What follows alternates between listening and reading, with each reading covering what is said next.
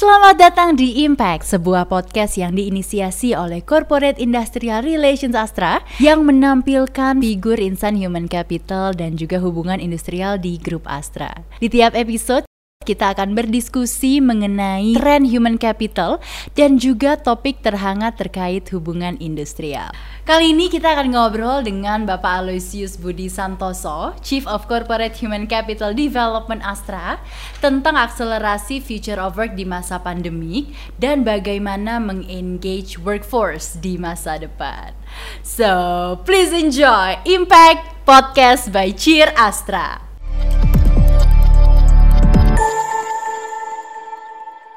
Selamat pagi Pak Budi, apa kabar Pak? Selamat pagi Disa, sehat. Kamu Sehat gimana? ya? Sehat? Alhamdulillah, Sel- harus selalu sehat ya Pak ya? Harus selalu sehat dan semangat. Oke Pak, eh, di hari ini gitu ya, kayaknya kita asik nih Pak untuk kita eh, ngobrol-ngobrol eh, tentang bagaimana sih awal karir Pak Budi berkarir di Astra gitu ya, dari awal masuk gitu sampai bisa berada di posisi saat ini. Boleh diceritain nggak sih Pak, gimana dulu tahun berapa masuk gitu sampai sekarang? Ya, ini saya sebetulnya angkatannya udah udah senior nih Oh ya. iya, pasti, sudah pasti, sudah waktunya undur diri sebetulnya karena saya masuk ke Astra itu hampir 30 tahun yang lalu Disa. Tepatnya tanggal 18 Maret 1991. Saya nggak tahu kamu pasti belum dibuat kali ya. Iya, bener, Pak. Orang tua saya belum 1991 ketemu ya dan seterusnya. Dan saya mengalami karir saya di Astra di PT Astra Grafia Oke. dan sebagai seorang salesman. Kemudian dalam perjalanan karir saya di Astra Grafia saya sempat putar-putar, pernah ke manajemen sistem, business development, pernah buka cabang, customer service ya sampai kemudian terakhir sebagai chief sales atau business consultant. Kemudian eh, ke PT Astra Grafia di holdingnya sebagai chief management system business development. Dan di tahun 2008 saya eh, diminta untuk ke Astra Internasional dan mulai memasuki dunia eh, human resources pada waktu Ya, itu sampai saat ini. Eh, 30 tahun Pak, Eh, mohon maaf saya aja eh, tahun ini baru masuk 25 ya. Waduh, Jadi Bapak udah 5 lima tahun di Astra, saya baru baru lahir. baru gitu. lahir ya. Sekarang kita satu panggung ya di Iya, saya luar biasa. Pak, selama Ya. 30 tahun itu gitu ya, saya aja sekarang eh, baru kerja di Astra eh, menuju 3 tahun gitu. Ya. Eh, selama tiga tahun ini aja eh, saya merasa cukup banyak perubahan yang terjadi di Astra gitu ya apalagi Bapak udah hampir 30 tahun nanti ya bulan Maret gitu nah dari perjalanan Bapak eh, dulu dari awal masuk sampai sekarang itu kan pasti eh, banyak sekali perubahan ya Pak ya Eh, yang bisa kita lihat dari segala aspek dari bisnis dari manusianya dari organisasinya gitu Eh, dari perjalanan yang panjang gitu ya insight seperti apa sih yang Pak Budi eh, dapatkan gitu yang bisa Bapak sharing eh, ke kita kita hal yang terberat dalam 30 tahun perjalanan karir saya di Astra menurut saya ada dua momentum besar. Satu, krisis moneter tahun 1998. Itu adalah krisis yang uh, sangat signifikan ya buat buat negara termasuk Astra. Pada waktu itu bahkan uh, kami harus apa dipotong gaji, ya, jualan luar biasa susahnya karena pasar tinggal 10% dan seterusnya. Ya, tetapi eh, berjalan dengan perjalanan waktu, akhirnya negara kembali, Astra pun bisa bangkit kembali dan eh, tumbuh berkembang, eh, beranak pinak sampai sekarang lebih dari 200 eh, apa namanya 200 lebih eh, perusahaan dan hampir 200 ribu karyawan. Dan kemudian kita menghadapi challenge kedua terbesar menurut saya dalam dalam perjalanan karir saya yaitu sekarang. Ya pada masa pandemi yang saat ini kita masih masih menjalaninya Betul. saya selalu percaya betapapun sulitnya badai pasti berlalu jadi percayalah masa ini juga akan terlewati dan kita akan melampaui masa yang sulit yang masih kita jalani saat ini menurut saya gitu Disa Mm.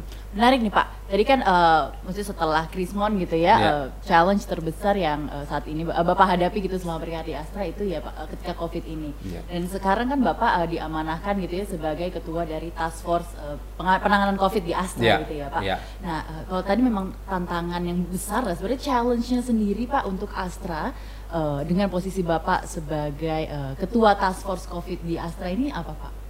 Ya, saya kira challenge terbesar pada saat ini agak berbeda dengan tahun 98 karena kita berhadapan dengan memanage dua hal yang sama pentingnya.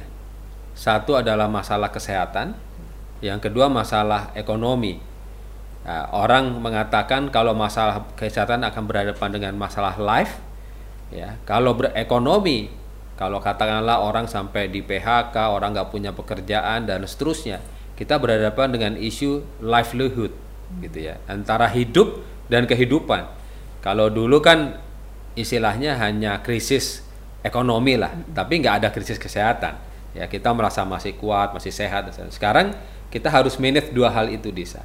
Nah ini yang menurut saya challenge yang memang uh, sangat luar biasa ya. Dan uh, tadi bahwa pandemi ini kalau kita lihat dan kita pelajari itu kalau di Indonesia ini belum turun ini masih meningkat terus ya dan seterusnya. Nah sementara ekonomi itu biasanya kurvanya adalah kalau kurva pandemi itu kayak apa namanya kurva normal, kalau kita berharap nanti suatu saat turun, kalau ekonominya kayak kurva U atau kurva F gitu. Hmm.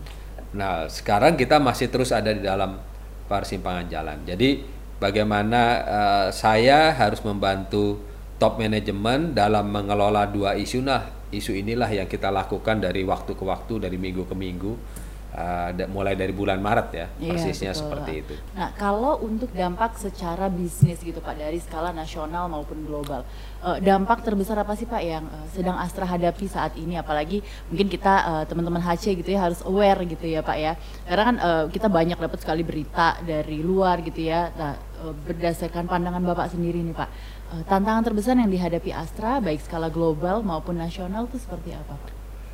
Ya, saya kira uh, satu adalah bagaimanapun kita Astra atau korporasi akan ada di dalam sebuah environment yang disebut sebagai ekonomi, hmm. ya kan? Uh, perusahaan akan bisa tumbuh berkembang kalau ekonominya berkembang. Tapi kalau ekonominya seringkit atau menyusut, pasti kemudian uh, apa uh, korporasi di dalamnya juga akan menyusut atau at least kompetisinya menjadi sangat ketat.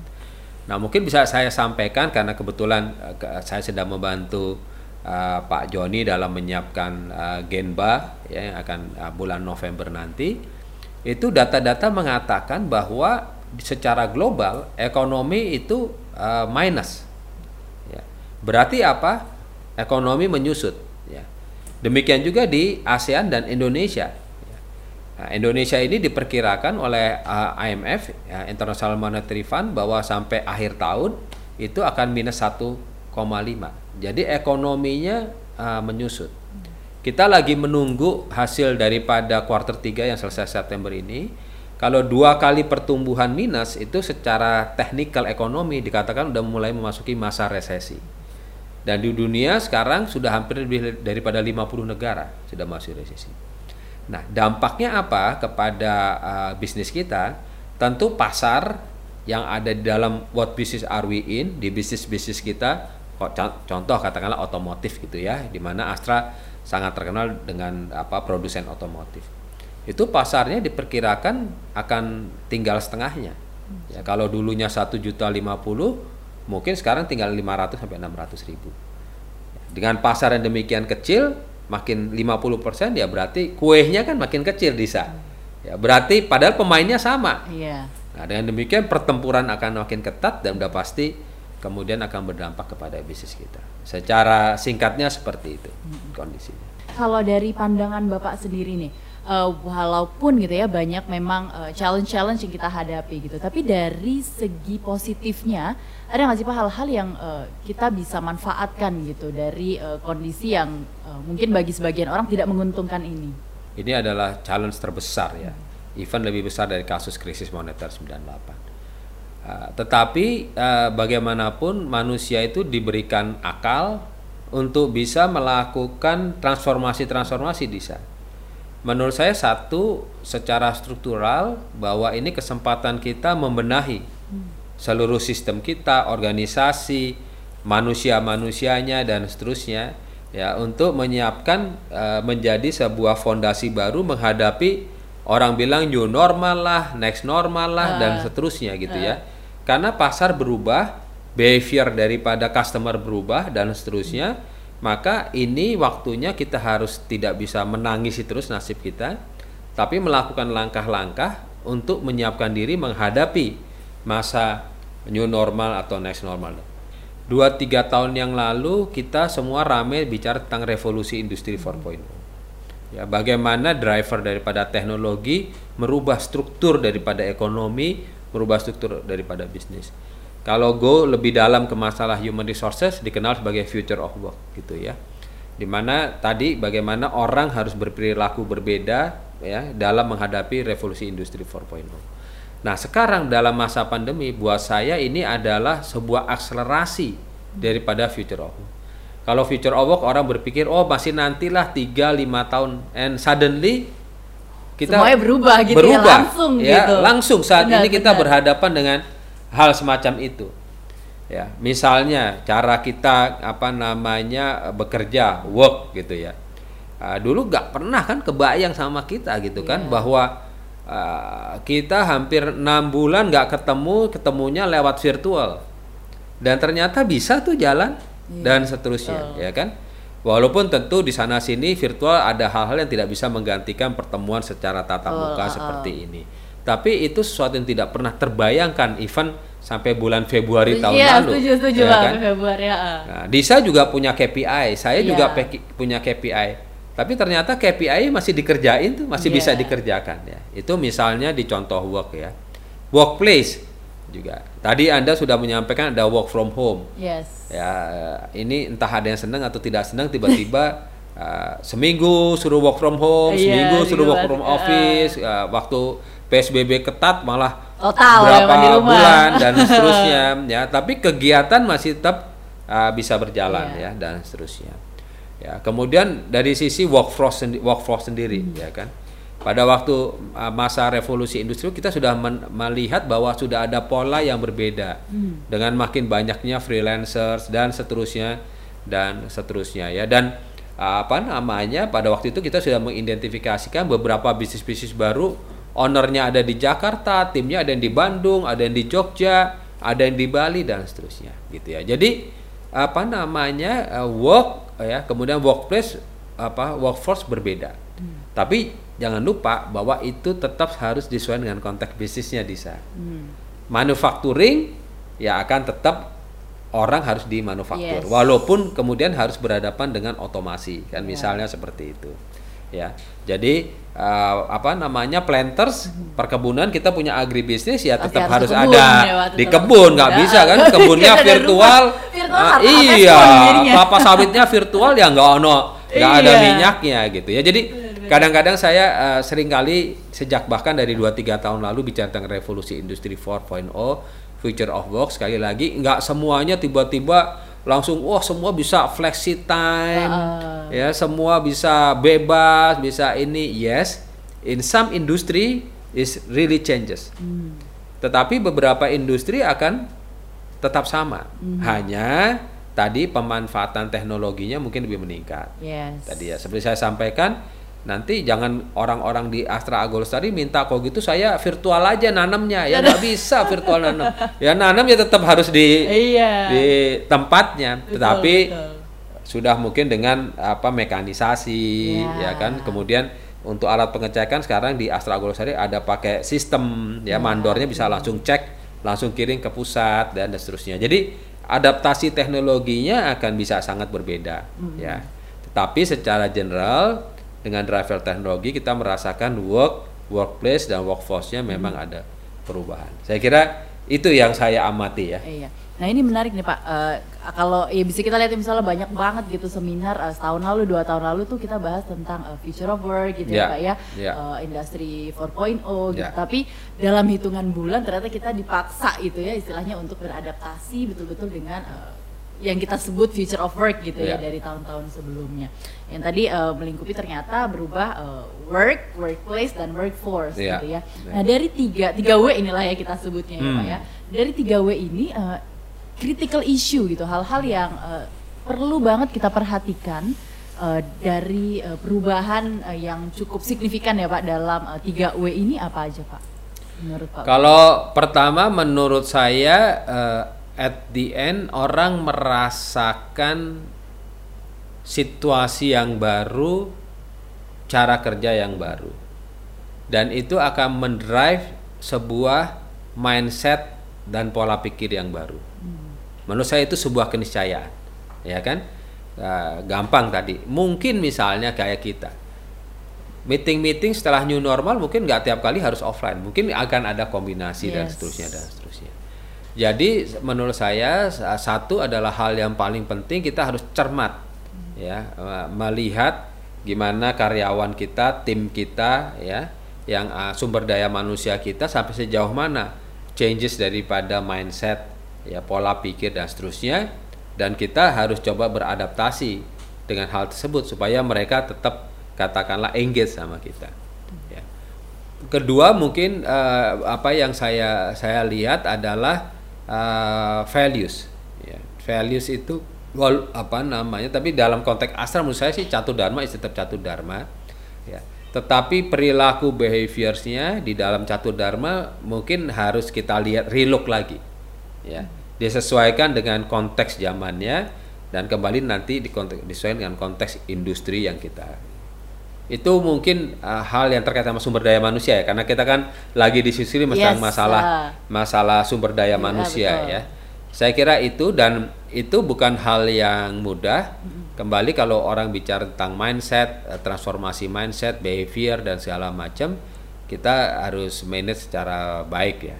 Nah, tadi menarik Pak, Bapak kan bilang uh, walaupun kita kondisi kita misalnya uh, kerja dari rumah kita tuh yeah. work from anywhere lah yeah. ya, tetap ada KPI yang harus achieve. Yeah. Ya. Yeah. Nah, sedangkan untuk kita mengachieve KPI itu uh, kita butuh uh, sumber daya yang kompeten gitu ya, yeah. pasti produktif ya biar uh, KPI kita uh, achieve gitu. Yeah.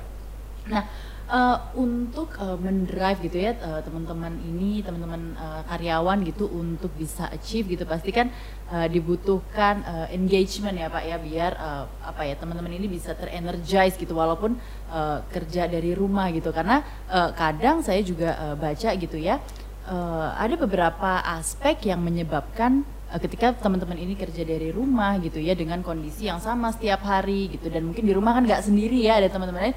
Uh, justru mungkin uh, tingkat uh, stresnya lebih tinggi gitu. Sehingga di sini diperlukanlah uh, apa ya peranan HC yang uh, masuk gitu ke kehidupan pribadi uh, karyawan gitu.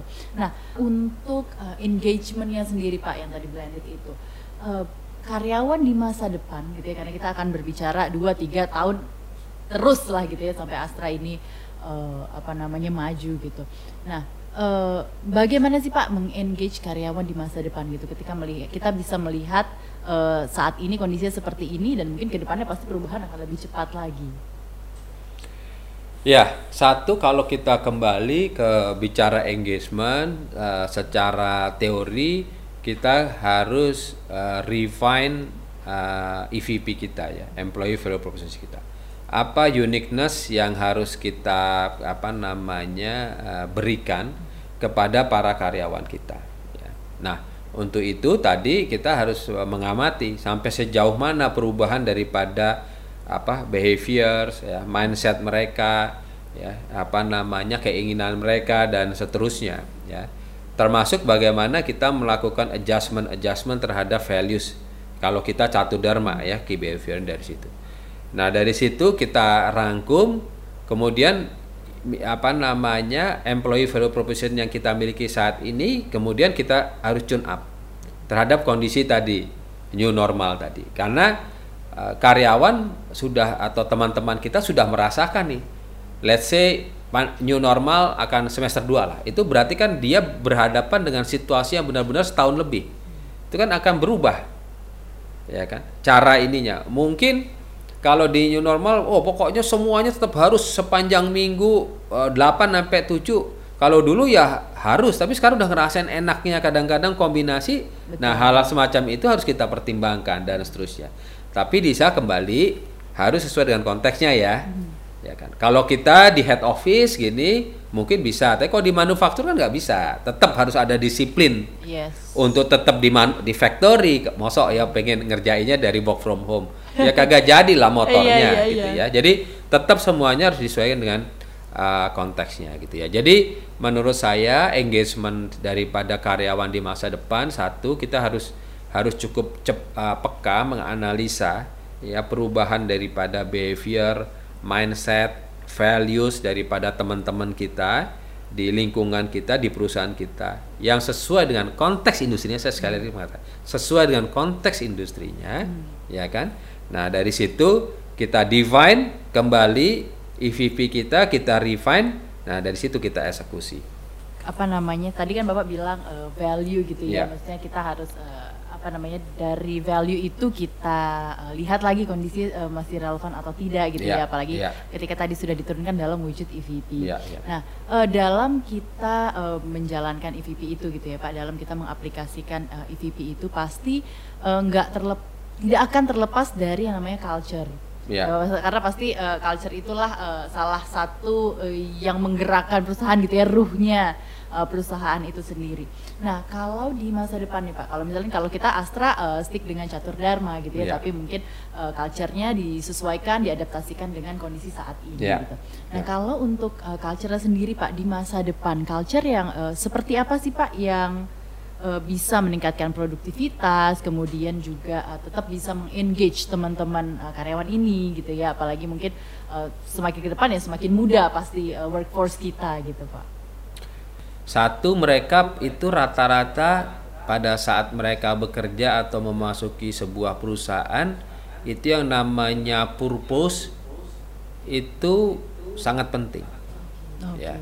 Jadi dia akan masuk ke sebuah perusahaan dirasa fail apa nilai-nilainya atau objektif daripada perusahaan itu fit dengan dia. Hmm. Gitu ya. Sehingga dia merasa nyaman.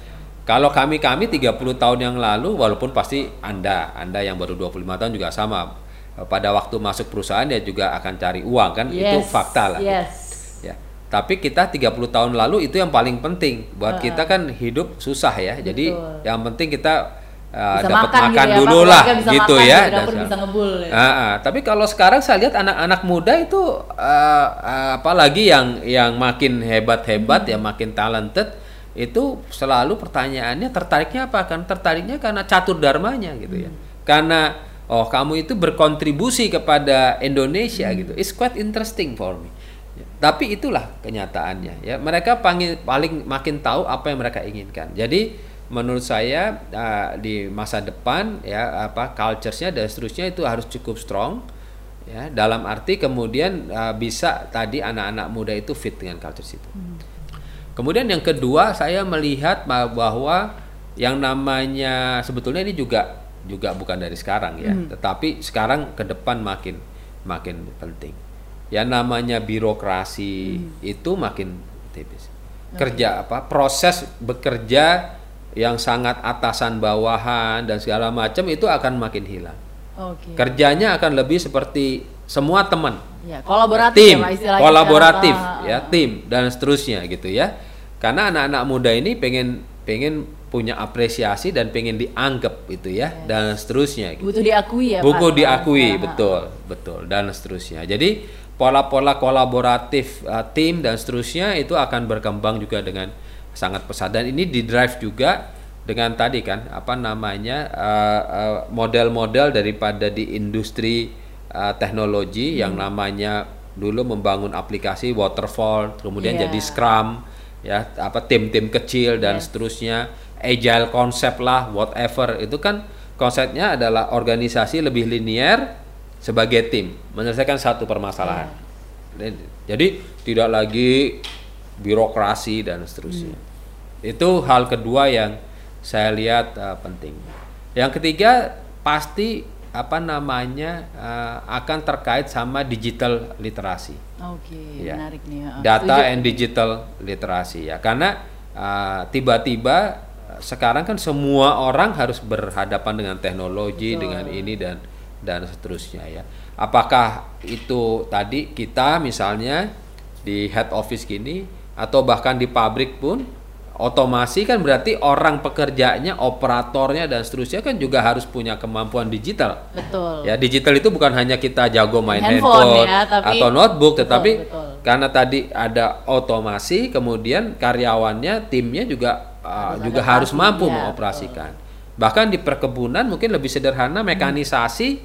tapi kemudian pola kerjanya juga harus berubah, hmm. ya.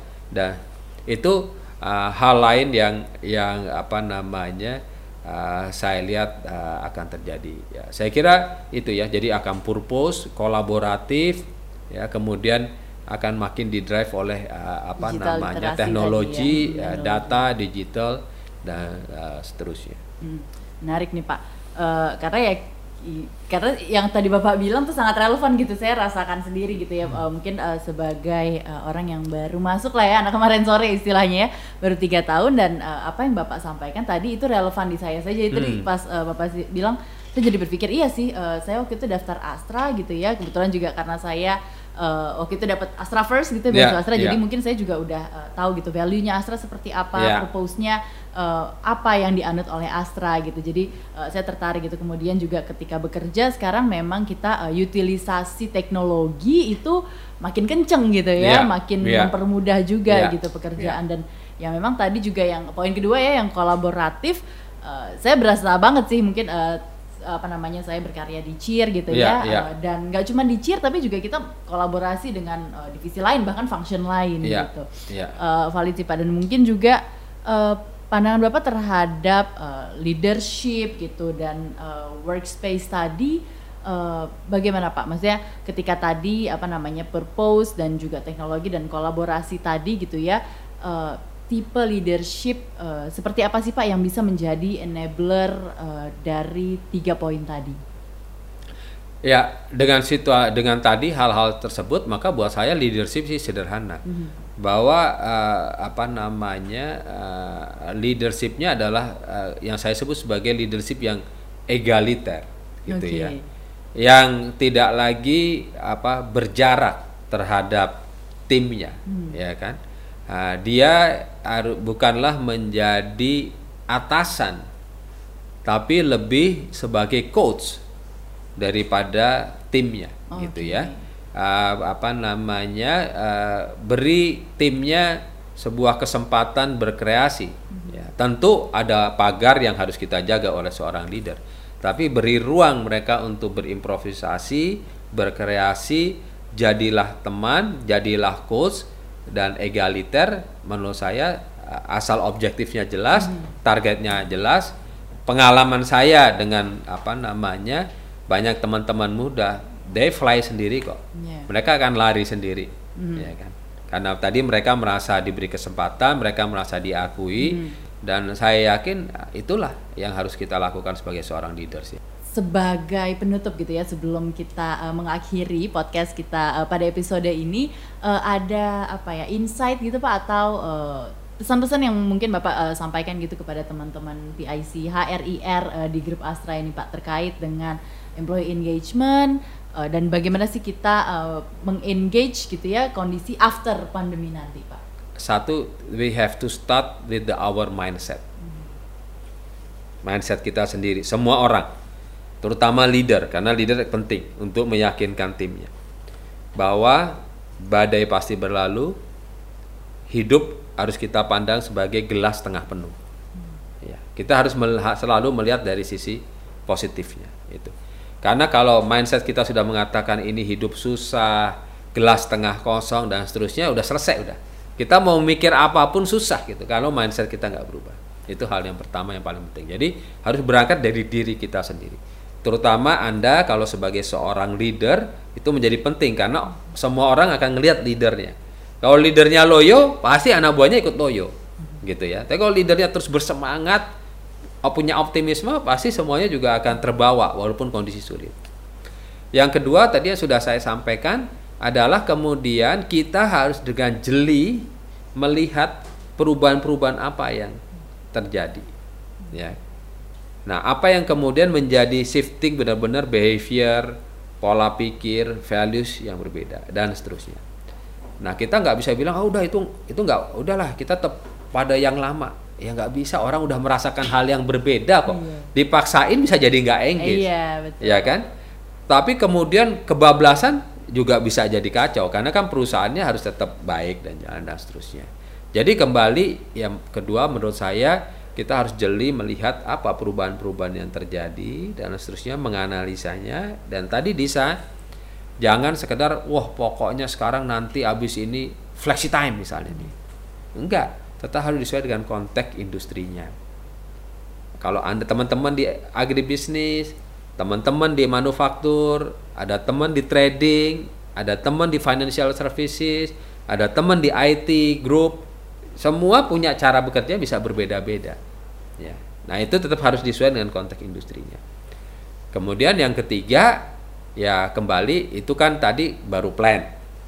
Plan tidak akan bisa jadi apa hasil, apakah hasilnya itu uh, result bisnis, apakah hasilnya orang menjadi engget kalau tidak diimplementasikan. Jadi setelah kita analisa dengan baik, kita rencanakan baik, let's do it. Siap, thank you Pak Budi atas bincang-bincangnya. Semoga sehat selalu ya Pak ya. Siap. Kita uh, Harus. berdoa lah pokoknya kondisi dunia ini semakin membaik gitu ya, Ya, Pak ya teman-teman. Uh, grup Astra juga uh, dilindungi selalu gitu ya, sehat Amin. selalu. Oke, terima kasih Pak Thank Budi. you Disa, Siap. sukses sehat selalu ya. Oke. Semangat selalu. Amin. Oke, thank you. teman-teman, eh, demikianlah episode perdana kita bersama Pak Budi ya. Kita tadi udah ngobrolin tentang engagement. So eh, jangan lupa stay tune terus karena kita akan ketemu lagi di episode selanjutnya.